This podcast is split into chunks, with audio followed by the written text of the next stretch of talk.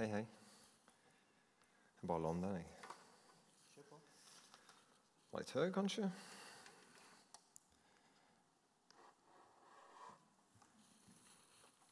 Vi skal, ha, vi skal høre litt om pinse.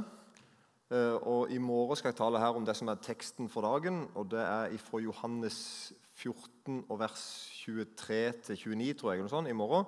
Og så I kveld tenkte vi skulle ta noen vers før fra Johannes 14 og så vers 1 og litt der. Og så skal vi ha litt andre ting òg, men uh, vi skal begynne i hvert fall litt, litt der. Kjære Jesus, vi takker deg for at du har lovt å være der som to eller tre er samla i ditt navn. Og vi har lyst til og behov for å forsake djevelen og alle hans gjerninger og alt hans vesen.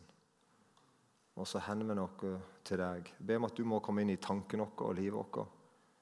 Be spesielt hvis det er noen som trenger et, et konkret møte med deg. Du vet hvem vi er, Jesus, før vi kommer her. Amen.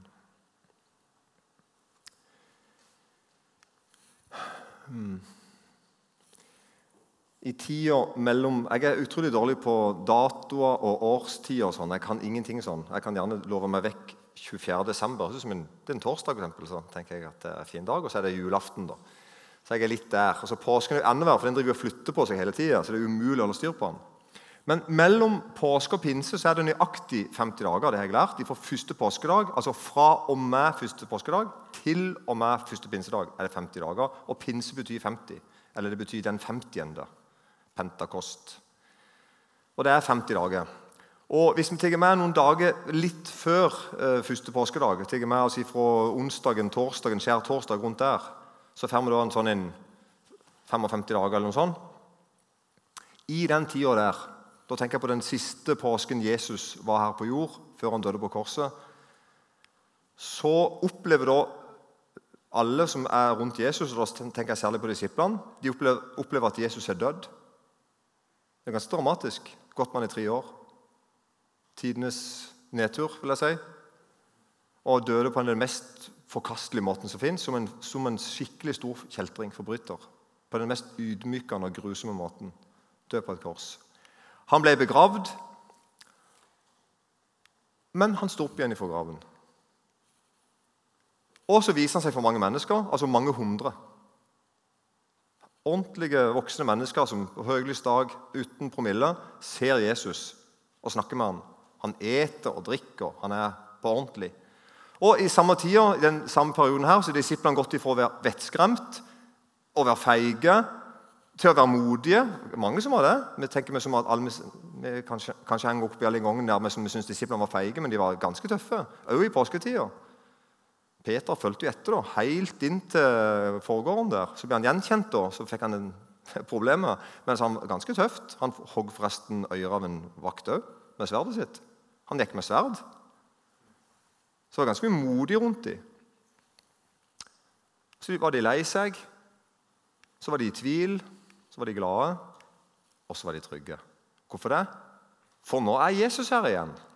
Han sto opp, og så treffer han dem på stranden. ikke sant? Og De eter, men de ser at det ikke er et spøkelse. Han, han er på ekte, han er på ordentlig. Han åt og drakk. Det er et poeng for Bibelen. At uh, du kunne ta på han, Han var fysisk.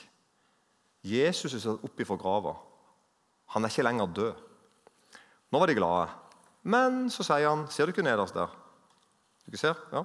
Så sier han at han skal reise bort. Langt bort. Til himmelen, faktisk. Stort lenger går det ikke an å reise. Så er ikke med på den? Utrolig sånn kaotisk det må være å høre Jesus til. Og da har jeg skrevet det. At det, det er kaotisk å høre Jesus til. Har du opplevd det? Hvis du opplevde det, så er du antageligvis på sporet av noe ganske riktig. Hvis du kjenner på det at når jeg ble, når jeg ble kjent med Jesus eller når jeg nå, Det kan være du alltid kjente han, men når jeg nå går med Jesus, så opplever jeg at eh, det er ganske kaotisk. Det er opp og ned. og det, er- det, er, det er på en måte, er du, er du enig? Da er du antageligvis på sporet av noe. Det er veldig farlig når vi hører liksom at det hører Jesus til med som er bare noe trygt noe. på en måte, Noe, noe godt og trygt noe. Men det er det òg. Det er en sånn merkelig ting. da, At vi, vi som hører Jesus til, vil si at hadde de bytta. Peter sier en gang at hvem skulle vi da gått til? sier han. Hvis, altså, hvis vi ikke er med deg, Jesus, hvem skulle vi da ha gått til? Du har jo det evige livs ord, sa han. Sånn er det å høre Jesus til. Utrolig rart og bråkete og kantete og bølgedalete. og Det er aldri sånn som vi trodde. Og vi tror, Når vi tror vi forstår hva Jesus og de holder på med, så nei, så forsto vi det ikke. Og så er det sånn at Før Jesus skal tas til fange og bli korsfesta og dø, rett før det, altså rett før det, så snakker han med sine. Og Det er, det er den talen vi da ser. Han begynner med, med, å si i Johannes 14, vers 1. Der begynner det en tale som i min bibel er en overskrift 'Jesus trøster disiplene sine'. For Nå må Jesus trøste disiplene sine. Nå er det altså vært så mye vanskeligheter for dem at nå takler de ikke mer. Så nå setter Jesus seg ned med dem, og så snakker han med dem i Johannes kapittel 14, 15 og 16. vil jeg tro, cirka det. Det er jo vi som er delt inn i kapittel, og han hadde ikke kapittel når han talte. Um, og Han begynner da med å si den setningen der. La ikke deres hjerte forferdes. Tro på Gud og tro på meg. Det er ganske sånn dristig sagt. Og det mest dristige her er at Jesus påstår jo en ting med en gang. her. Han påstår jo at det er ingen konflikt mellom å tro på Gud og tro på Jesus. Så Jesus sier egentlig at han er Gud. Hvis ikke så hadde Jesus oppmuntret dem til å ha flere guder. altså, altså med gått rett på et brudd med bud nummer én. Du skal ikke andre guder enn meg, sa jo, sa jo Abrahams og Israels gud. ikke sant? Han sa du skal ikke andre guder enn meg.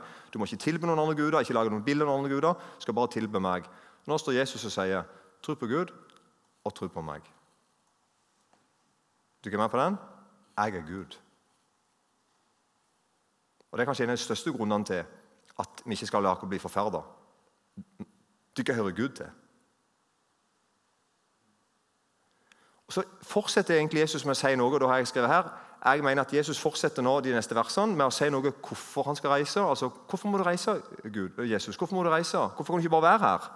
Og Han sier jo egentlig noe om hvorfor, ikke skal, hvorfor ikke hjertet skal bli forferda. Så Det fortsetter sånn, da. Johannes 14, 14,2. Det første verset var da La ikke hjertet bli forferda, tro på Gud og tro på meg osv. I min fars hus er det mange rom. Var det ikke slik, da hadde jeg sagt dere det.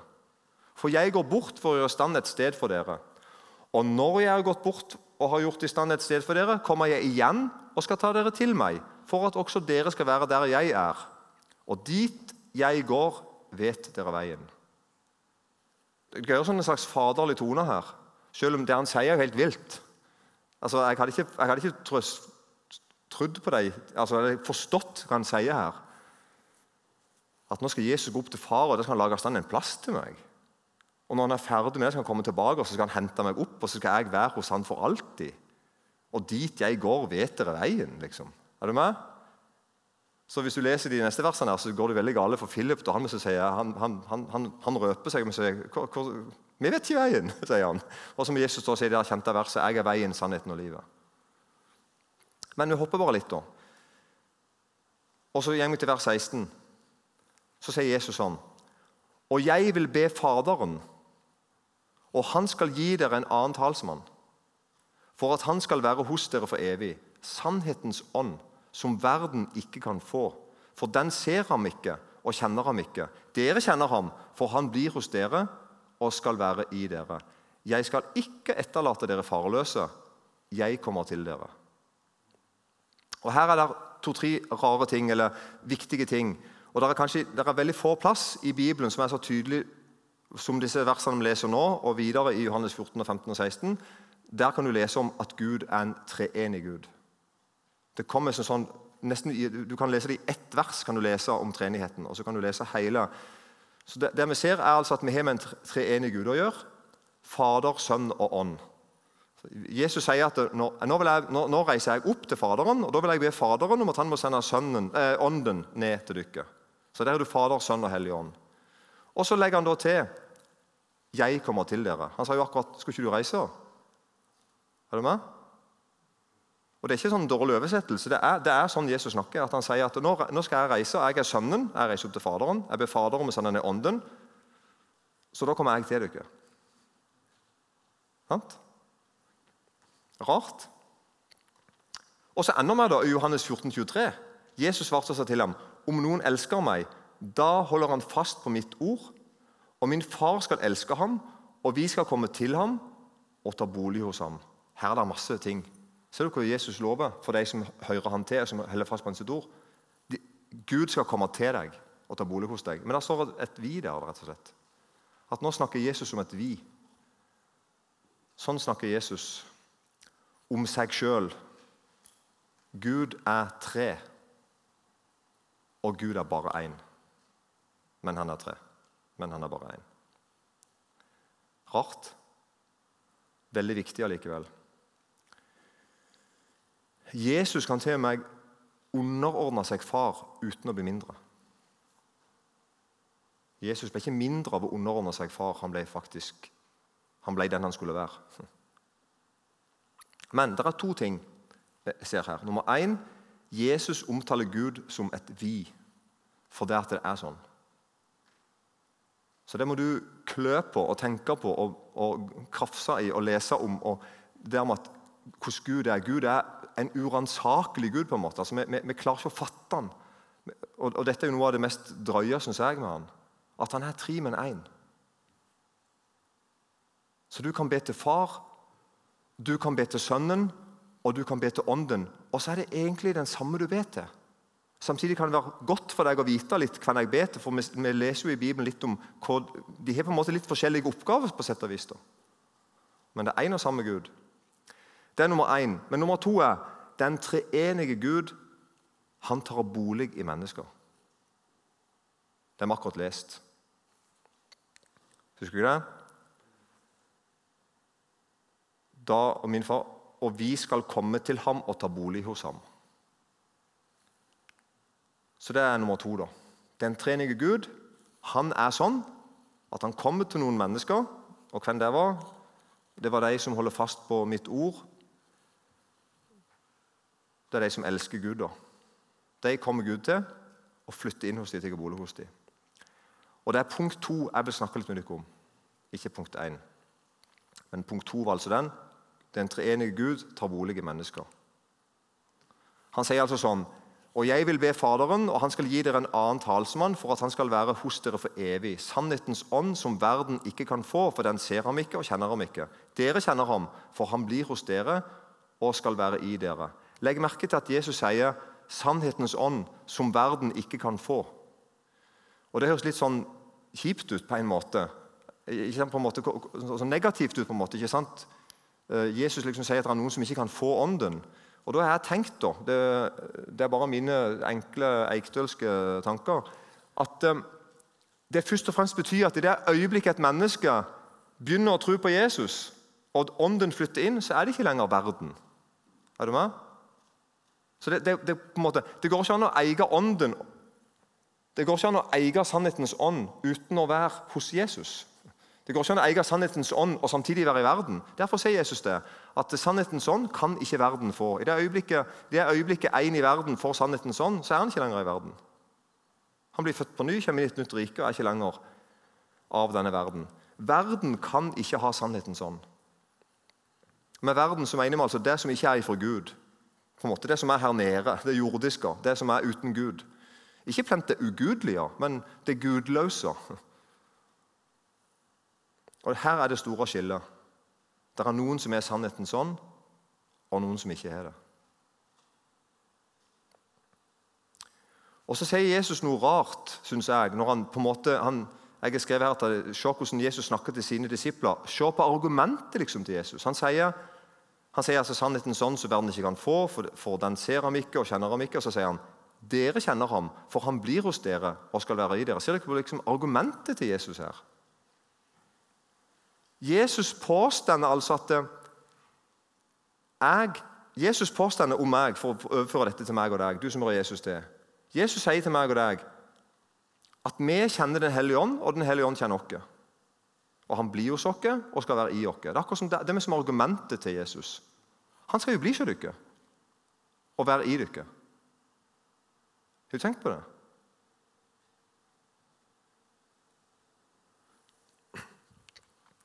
Vi har snakka altfor lite om dette. Vi har snakka så lite om dette at mange er skeptiske til hele greia. Dette er min helt sånn personlige opplevelse i det landskapet der jeg er mest å ha møter. Noen tenker at forkynnelse mot Den hellige ånd, sannhetens ånd, bu i mennesker, er nesten noe nytt. Og iallfall noe som er negativt eller farlig, eller noe vi må passe oss for. Jeg vet ikke hvor du er hen i dette landskapet. Akkurat som jeg sier meg som at ja, ja, ok, kan godt være det, men det er liksom ikke det vi må tenke på. Men Jesus forkynner altså sånn til sine disipler. Han til på en måte argumenterer med at du ikke skal kjenne ham. Og så skjer jo akkurat dette da, den første, den første gangen det var første pinsedag. Eh, så skjer jo dette helt konkret. Og Det er derfor vi feirer pinse. og er den grad vi feirer pinse. Ja, Feirer du ikke pinse? Eller ikke bare fri? Men altså, Når vi feirer pinse, da, så feirer vi altså at det var noe helt konkret og fysisk som skjedde. Det skal vi gjøre mer om i morgen, for så vidt, når Den hellige ånd ble gitt til disiplene, sånn som Jesus hadde lovt. Og verden ble aldri mer den samme. Og du som tror på Jesus, kolon, du må ta til deg informasjon om sannhetens ånd. Med det så mener jeg, du må, le, du må bla opp Bibelen. Eller snakke med venner hvis ikke du kan bla opp Bibelen. Og, og se på hva stender her om sannhetens ånd. Hva stender her om Den hellige ånd? Hva vil det si at Den hellige ånd bor i meg? Hva vil det si at jeg kjenner han og han kjenner meg? Jeg må øve meg i å forstå hva det vil si å være en bolig for Gud. Ja, et tempel, faktisk. Så kan jeg ha ti sekunder stillhet, så kan du tenke litt på det. Er jeg en bolig for Gud? Altså Gud kan velge suverent sjøl hvor han vil bo. henne. Så sier han i Bibelen at det er to plasser han bor, og det er i det høye hellige. sier han. Det står i Isaiah 57, kanskje, eller noe sånt. Vet litt usikker nå. Så sier han i det høye hellige bor jeg, og i et sønderbrutt hjerte. En nedbøyd ånd, sønderbrutt hjerte, for å gjøre det, for å løfte det opp og gjøre det levende. Så har du tenkt på det? At du som hører Jesus til, du som tror på Jesus Gud har valgt deg som bolig. Og enda mer et tempel. Altså der Gud er aktiv. Det er der det skjer. Hvis du levde i Israel før, rett før den første pinsedagen, så ville du oppleve at det var i tempelet det skjedde. Det var der du kunne møte Gud. liksom. Og Det var sånn Gud ordna det allerede ikke sant? i den gamle testamentet. så ordnet Gud Det sånn. Det var han som beskrev ned i detaljer til hvor farge det skulle være på med som krokene som du hadde tauet i, som holdt opp den ytterste teltduken. Hadde som, Gud hadde total kontroll på hvordan det teltet skulle se ut han skulle møte sine. Og så sa han der vil jeg møte dere. Så kalte de det for sammenkomstens telt. de det eller tabernaklet. Ikke sant? Og Da visste alle at der inne det er der det skjer. Der er tempelet. liksom. Og Så fikk de til slutt det der store fysiske tempelet. ikke sant? Det fine, flotte, svære tempelet. Som var sånn gigantisk. Og Det var der liksom det skjedde. Nå er du Guds tempel. Jeg tuller ikke. To-tre plasser er Paulus han, her, det, det, er midt inne i en setting, da, og det er faktisk en, en um, kurantsetting. Paulus skal fortelle noe viktig til menigheten i Korint. og så bare å gjenge rett inn i et par vers i 1. Korinterbrev 6,14. 1. Korinterbrev 6,14 så, så argumenterer Paulus sånn, og så sier han Gud reiste Herren opp, og han skal også reise oss opp ved sin kraft. Vet dere ikke at deres legemer er Kristi lemmer? Så mitt legeme, min kropp, jeg, jeg er en del av Kristi sin kropp. Jeg er en lem på Jesus sin kropp. Og så, Hvis vi går til noen vers etterpå, i vers 19, 1. Korinterbrev 6, 19, Eller vet dere ikke at deres legeme er et tempel for Den hellige ånd, som bor i dere, og som dere har fått fra Gud? Dere tilhører ikke lenger dere selv. Det hører vi som tonefall her til, til, til, Paulus. Her, han formaner dem inn, inn, i noe de holdt på med som ikke var bra. Og så er det akkurat som han, han nesten sånn, Du hører sånn en strenghet i det. ikke sant? Vet du ikke det ikke? Har du ikke fått det med deg? liksom? Litt sånn i det, er det ikke det? I det? Jeg får oppleve litt, sånn, litt den tonen der. Men òg alvor i det. Vet du ikke hvem ikke er? Og Her er det snakk om hor. da. Og da sier han at nei, nei, nei, nei, du må ikke bruke kroppen din til hor. Kroppen deres er jo et tempel for Den hellige ånd. Det er argumentet til Paulus. Du må ikke gjøre det, liksom. Her er bare et bilde av Bibelen min der jeg har skrevet 'wow'. For det syns jeg var veldig bra. 1. Korinter 13, 27, så står det sånn Dere er Kristi legeme, og hver for seg hans lemmer. Så vi kan på en måte ha to tanker minst i hodet på en gang. At jeg er helt alene uten dere, så er jeg et tempel for Den hellige ånd. Den hellige ånd er flytta inn i meg. Han bestemte sjøl. Han kom til meg og bosatte seg hos meg. Han er bolig der, men det er ikke bare en, sånn en fritidsbolig. eller noe sånt, Det er altså et tempel. Med på den? Og Samtidig er det sånn at jeg utgjør en stein av et tempel sammen med dere andre. Sånn at jeg, jeg må også oppsøke et fellesskap, for da blir vi det der, det der tempelet som er bygd opp av mange levende steiner, som til sammen blir ett stort tempel. Og så er det et annet bilde som handler om kroppen til Jesus. Da sier Jesus at jeg er hodet, og alle de som hører meg til, er resten av kroppen min. Forskjellige kroppsdeler, kort og godt. Sånn må vi forstå oss sjøl. Vi er ett med Kristus. Gud er flytta inn i oss. Han er tempelet sitt der, han er virksom der. Det var han som ville det sånn. Jeg synes Det er utrolig fint hvis du ta Les det der når, når, når israelsfolket får formaninger og detaljerte forskrifter om hvordan tempelet skal se ut. Så ser du hvor nøyen Gud er. Han skal ha det akkurat sånn. Det skal være, det skal være sånn type tre på den tingen. Det skal være akkurat så og så langt. To alen og tre alen. Og skal det være sju sånne og 13 sånne. Og skal det være gull og med, Veldig nøye. Tenk på det. Nå er det du som er den greia der. Gud flytter ikke inn i noe ræl, liksom. Han flytter inn i deg. Det forteller litt om, det forteller litt om hvem vi er, på en måte. Hvordan, hvordan Gud tenker om oss at han kan ha bolig der. Men vent litt, sier du. Sier ikke Bibelen at Den hellige ånd skal overbevise om synd? Er det ikke det som er hovedoppgaven? Må vi, altså, vi er smått her. Hvorfor skal vi være så opptatt av at han bor meg? Og så det kan være en innvending som mange aldri kan være et, Noen følte nesten profetisk nå. at det, Oi, det var akkurat det jeg tenkte. Ikke vet jeg.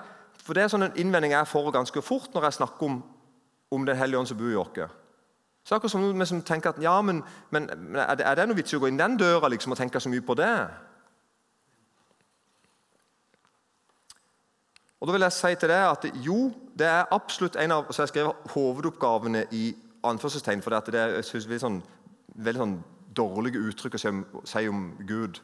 Hva slags oppgave og sånn. Det er litt sånn Ja, men for, for, for å kalle det det, da. Dette sier Jesus i samme talen, i Johannes 16 og vers 8. Så sier Jesus om sannhetens ånd, talsmannen, Den hellige ånd, at når han kommer, skal han overbevise verden om synd og om rettferdighet og om dom. Om synd fordi de ikke tror på meg, om rettferdighet fordi jeg går til Faderen, og dere ser meg ikke lenger, og om dom fordi denne verdens fyrste er dømt. Det er sånn et kjernevers når vi, vi, vi spør om hva skal Den hellige ånd gjøre. Jo, Jesus sier jo her at han skal gjøre tre ting. Når han kommer, skal han overbevise verden om synd, og om rettferdighet og om dom. Og Det vil jeg kommentere litt, for selvfølgelig er jeg enig i det, at han skal det. Jesus sa jo det. Ferdig snakka. Men du trenger ikke Den hellige ånd til å overbevise deg sjøl om at ikke du er perfekt.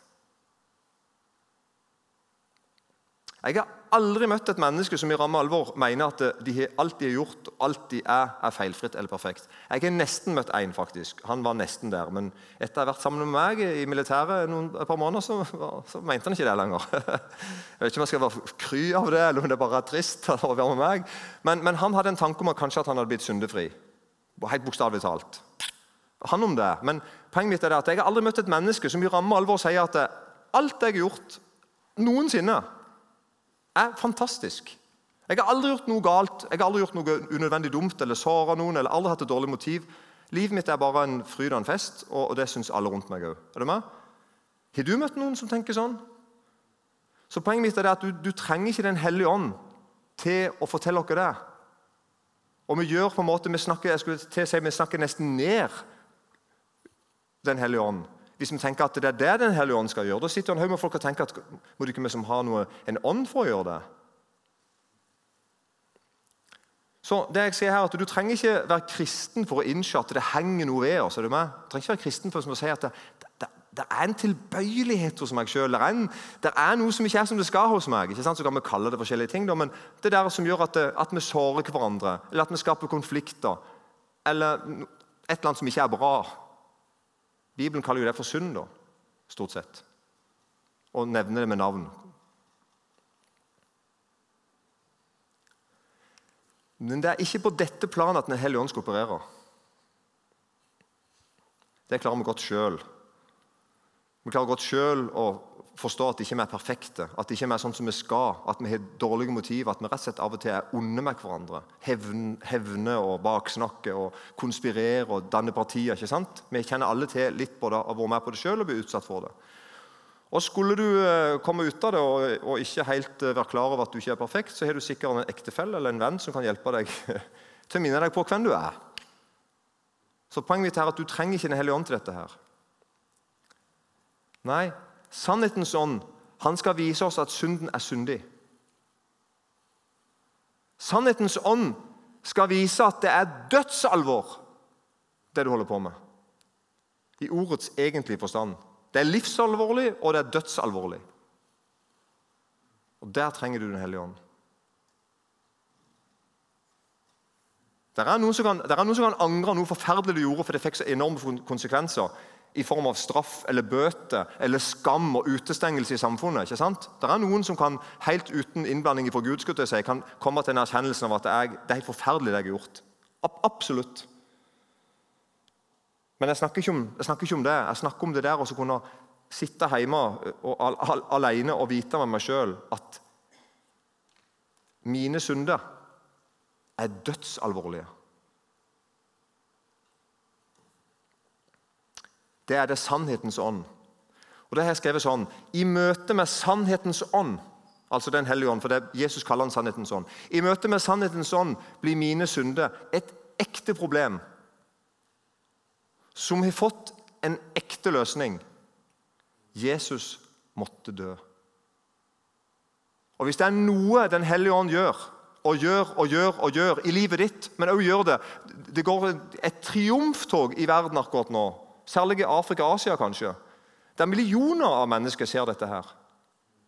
At mine synder er dødsalvorlig. Det er et problem for samfunnet, det er et problem for familien, det er et problem for meg. Og det er et problem i møte med Gud og evigheten. Det er dødsalvorlig. Jesus måtte dø.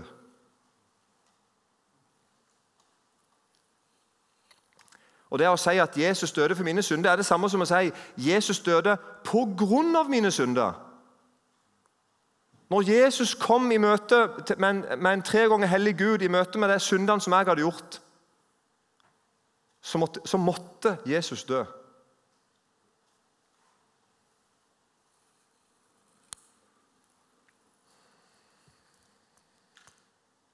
Og Dette er noe helt annet enn å stå på en talerstol og si 'jeg er en synder'.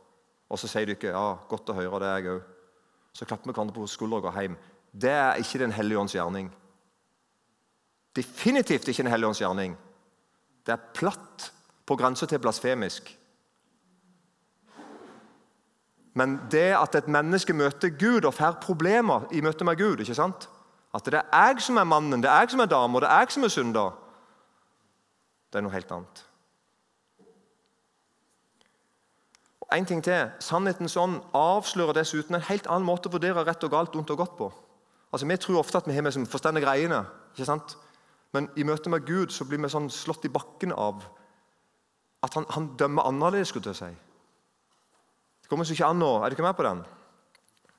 Så jeg har skrevet her at jeg, det vil si, Da mener jeg jeg uten Gud. Altså jeg alene, i, i mine egne tanker uten Gud. Jeg som trodde jeg hadde peiling på synd fordi jeg hadde erfaring med synder. Prikk, prikk, prikk. Jeg er ikke i nærheten av å forstå hva alvorlig synd er. Den hellige ånd er den som kan avsløre og dømme.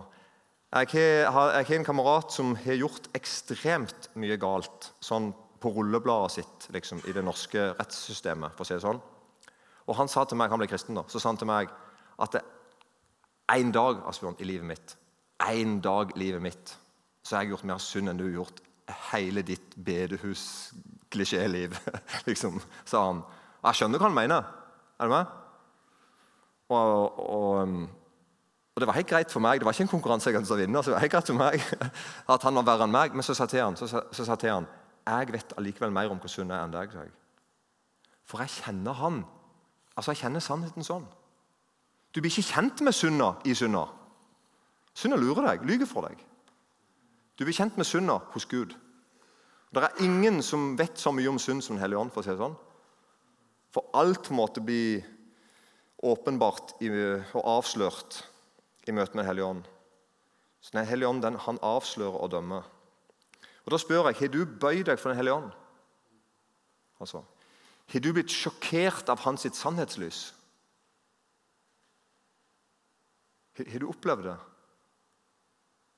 Har du opplevd som at jeg ble møtt av noe? Det var forbi moral og etikk og rett og galt. Og det, skjønner du, altså, Jeg ble møtt av Gud. Og det var egentlig ubehagelig, men samtidig noe trygt over det. Men, men ubehagelig for dem. Jeg ble slått i bakken liksom av Den hellige ånd.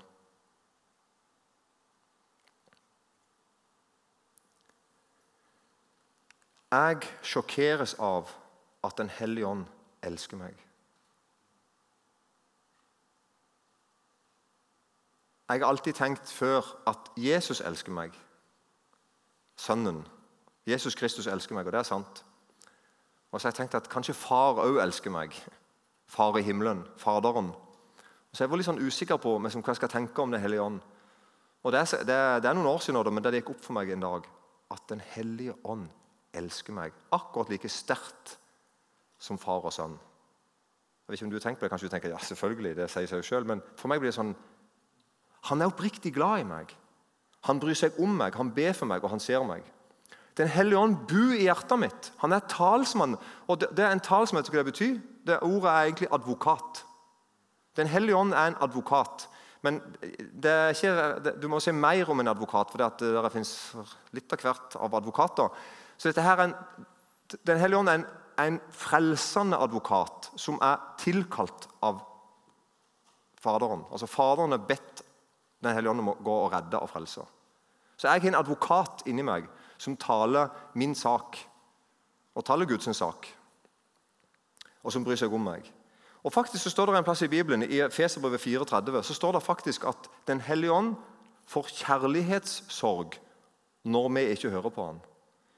Det står veldig godt synes jeg, i den oversettelsen jeg bruker. Og gjør ikke Guds hellige ånd sorg, han som dere har fått som seil til eh, forløsningens dag.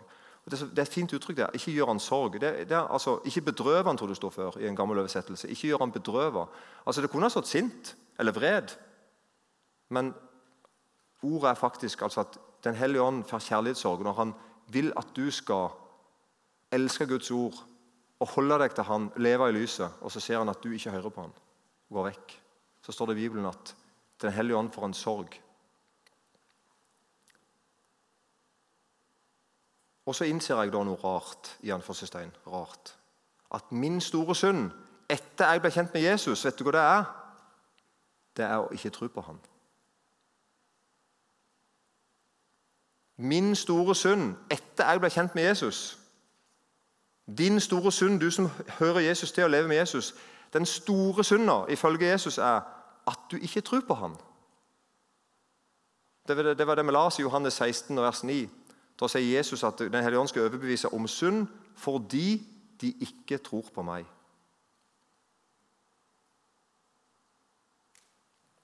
Det står ikke om synd fordi de stjeler, eller om synd fordi de lyver men så om synd fordi de ikke tror på meg. Og derfor er det sånn at du, du, må ikke trøste deg med at du ser din synd, på en måte, hvis du skjønner hva jeg mener med det. Og som sagt, Det er mange av de ting, syndene vi ser som ikke vi behøver Den hellige ånd for å se heller.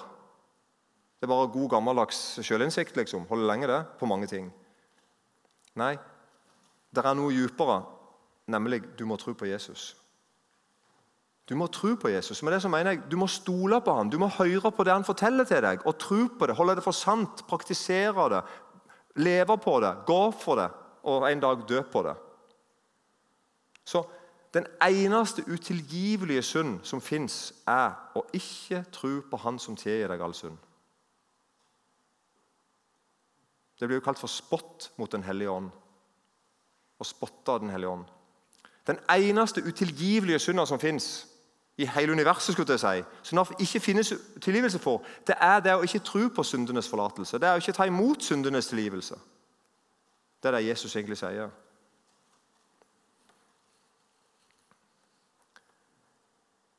Derfor er det viktig å tro på syndenes forlatelse. Det er viktig å tro på når Jesus sier at 'jeg vil ta bolig hos deg', 'jeg vil flytte inn der'. Med Gud flytter inn hos deg. Det er viktig. Det er ikke sånn at 'ja, ja, fint det'. Nei, det er viktig.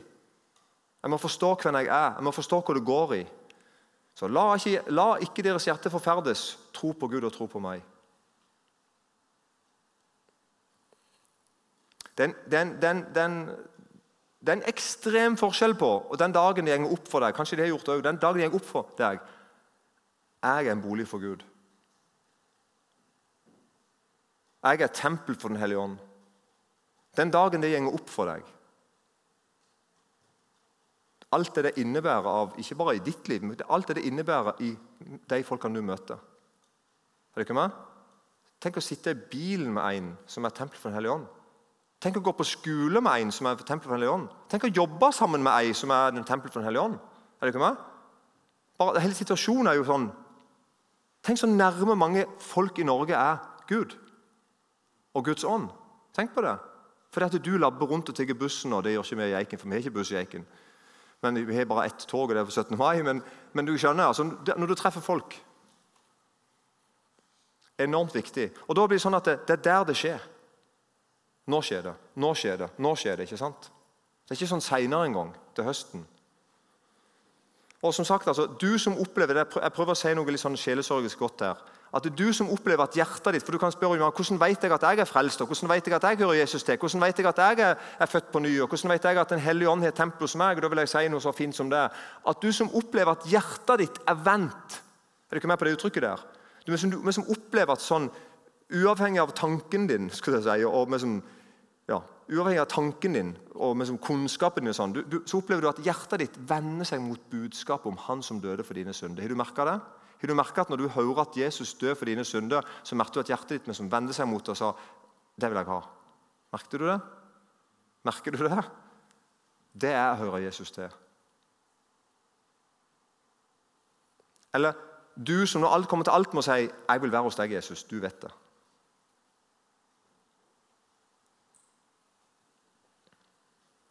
Du som er det sånn Må du, så, må du se, Skjer det akkurat nå? Det kan godt være det gjorde. Da vil jeg si noe til deg. Den hellige ånd bor i deg. Han er bolig der. Han er tempelet, han er virksom der. Så det er ikke noe sånn at ja, det får de der superkristne ta seg av. De der, eh, den A-klassen eller hva det heter. Nei, nei, nei, det er ikke sånn det funker. Alle Guds barn får Den hellige ånd. Verden får han ikke. Det er forskjellen. Og så skal jeg bare helt kort bare, bare si bitte, jeg si til at det velter ut av deg jeg skrev det. Jeg vet ikke om det er et godt uttrykk, men nå skrev jeg det. Det velter ut av deg mye godt. men Det som mener altså, det, er, det er ting som kommer ut av deg som ikke er sånn som du tenker på. nå må jeg gjøre det, og så skal jeg gjøre det, det er kristelig, og så skal, skjønner du? Det er noe som bare velter ut av deg, som som ikke du har kontroll på. Det, for det er ikke ditt. Det er, det er Den hellige ånd sitt. og det er for eksempel, Åndens frukt er kjærlighet, glede, fred, langmodighet, mildhet, godhet, trofasthet, ydmykhet, avholdenhet. Og Poenget her er det at dette er åndens frukt, ikke dine. Så ved at Ånden får lov til å bo hos deg og ha tempelet sitt der, virksom der og gjøre det han skal gjøre, så velter det altså ut. Er det et ord man kan si? Tyter, sier vi hjemme. Det tyter ut av deg. Om du vil eller ikke. Dette er nå lagt opp. Og så har til meg knyttet et løfte. Mot slike er loven ikke.